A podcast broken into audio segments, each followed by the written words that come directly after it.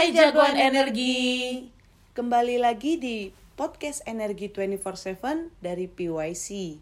Kali ini kalian akan bersama dengan saya Helena Dan saya Patricia, kita akan membawakan warta seputar energi selama satu pekan terakhir. Gak perlu berlama-lama lagi. Let's check it out. Baiklah, kita awali berita di minggu ini dengan update terkait harga komoditas energi. Kita mulai dari sektor perminyakan, rata-rata Indonesian Crude Price atau yang kita kenal sebagai ICP, bulan November sejauh ini masih mengikuti ICP bulan Oktober, yaitu sebesar 89,10 US dollar per barel. Sedangkan per 24 November, harga minyak West Texas Intermediate atau WTI berada di kisaran harga 77,98 US dollar per barel. Sementara nih jagoan energi, harga minyak Brent berada di kisaran 85,33 US dollar per barel. Nah, untuk sektor batu bara, harga batu bara acuan bulan November 2022 berada sebesar 308,20 US dollar per ton dan Newcastle Coal Price kita per tanggal 24 November tercatat sekitar 346,45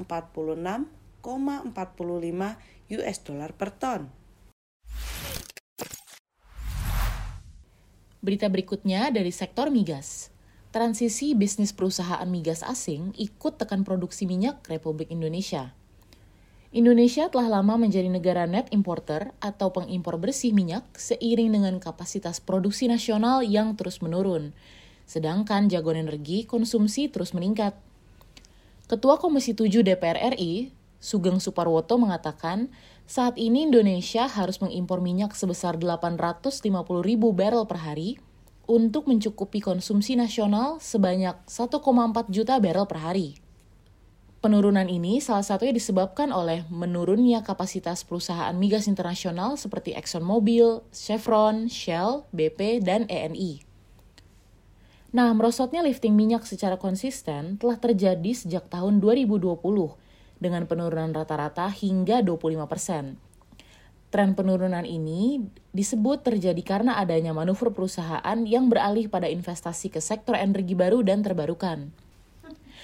Guna mengikuti tren tersebut, sekaligus untuk mendongkrak lifting minyak nasional, SKK Migas telah mengupayakan kemudahan investasi bagi para pelaku usaha hulu migas agar melakukan pengurangan emisi karbon dan memasukkan investasi pada energi terbarukan dalam strategi portofolio perusahaan.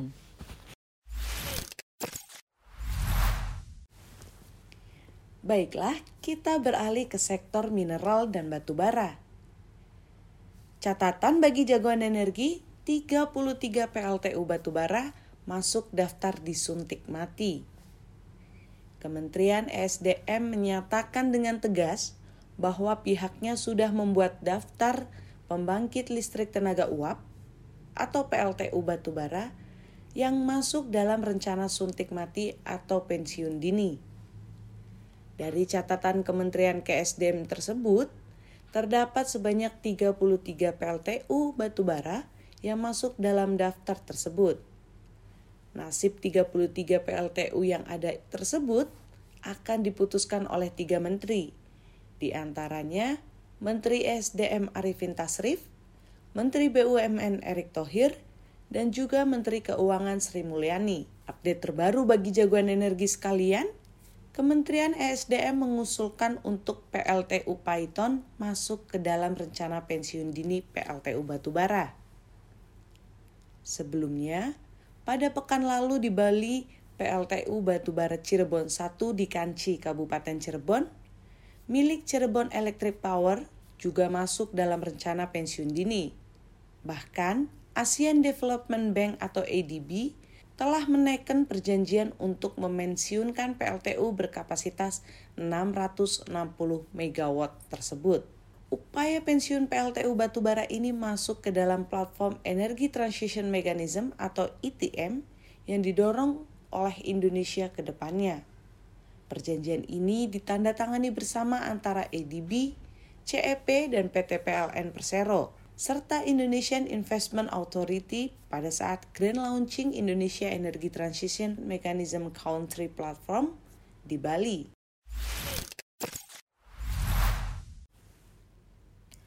Kita lanjut lagi jagoan energi ke sektor energi baru dan terbarukan.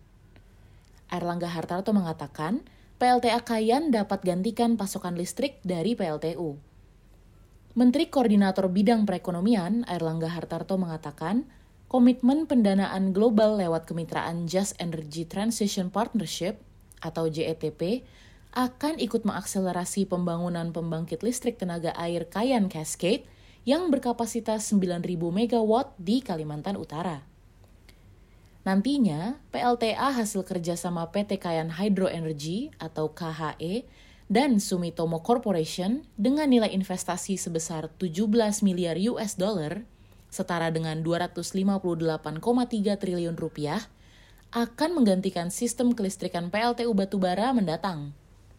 Sebelumnya jagoan energi, Kementerian SDM tengah menyusun rencana aksi dan investasi setelah mendapat komitmen pendanaan transisi energi senilai 20 miliar US dollar atau setara dengan 310,6 triliun rupiah Rencana ini akan dieksekusi lewat kemitraan JETP saat pagelaran KTT G20 pekan lalu. Pembahasan komitmen investasi dari mitra JETP ini akan mendorong kepentingan Indonesia untuk mendapatkan bunga pinjaman rendah dari pendanaan transisi tersebut. Harapannya, bunga murah transisi tersebut tidak akan mengganggu keekonomian pensiun dini PLTU batubara, sekaligus peralihan menuju energi bersih dari perusahaan pembangkit di dalam negeri ini. Baik jagoan energi, berita penutup kita kali ini dari sektor kelistrikan. Ulangi, berita penutup kita kali ini dari sektor kelistrikan. Pulihkan aset terdampak gempa, PLN pastikan kelistrikan kembali normal. Nah, jagoan energi, PT PLN Persero telah berhasil memulihkan 100% sistem kelistrikan yang terdampak gempa di Cianjur, Jawa Barat baru-baru ini. Sebelumnya, gempa berkekuatan 5,6 skala Richter tersebut telah mengguncang Cianjur dan sekitarnya pada hari Senin 21 November 2022. Gempa tersebut turut berdampak pada sistem kelistrikan setempat.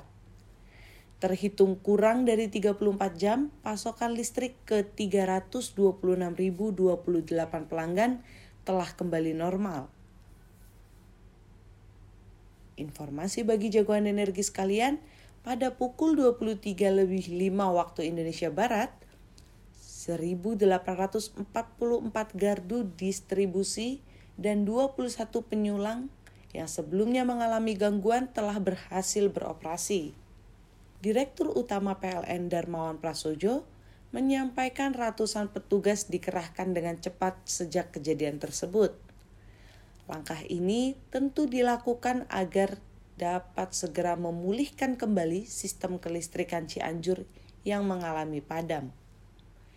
Darmawan juga menyampaikan operasi kepada pemerintah, masyarakat, aparat, dan berbagai pihak lainnya, terutama relawan dari PLN di berbagai wilayah sekitar yang aktif dalam percepatan pemulihan kelistrikan pasca gempa di Cianjur. Wah, tidak terasa kita sudah berada di penghujung podcast Energi 24/7 nih, jagoan energi. Sekian berita sepekan terkait energi dari kami.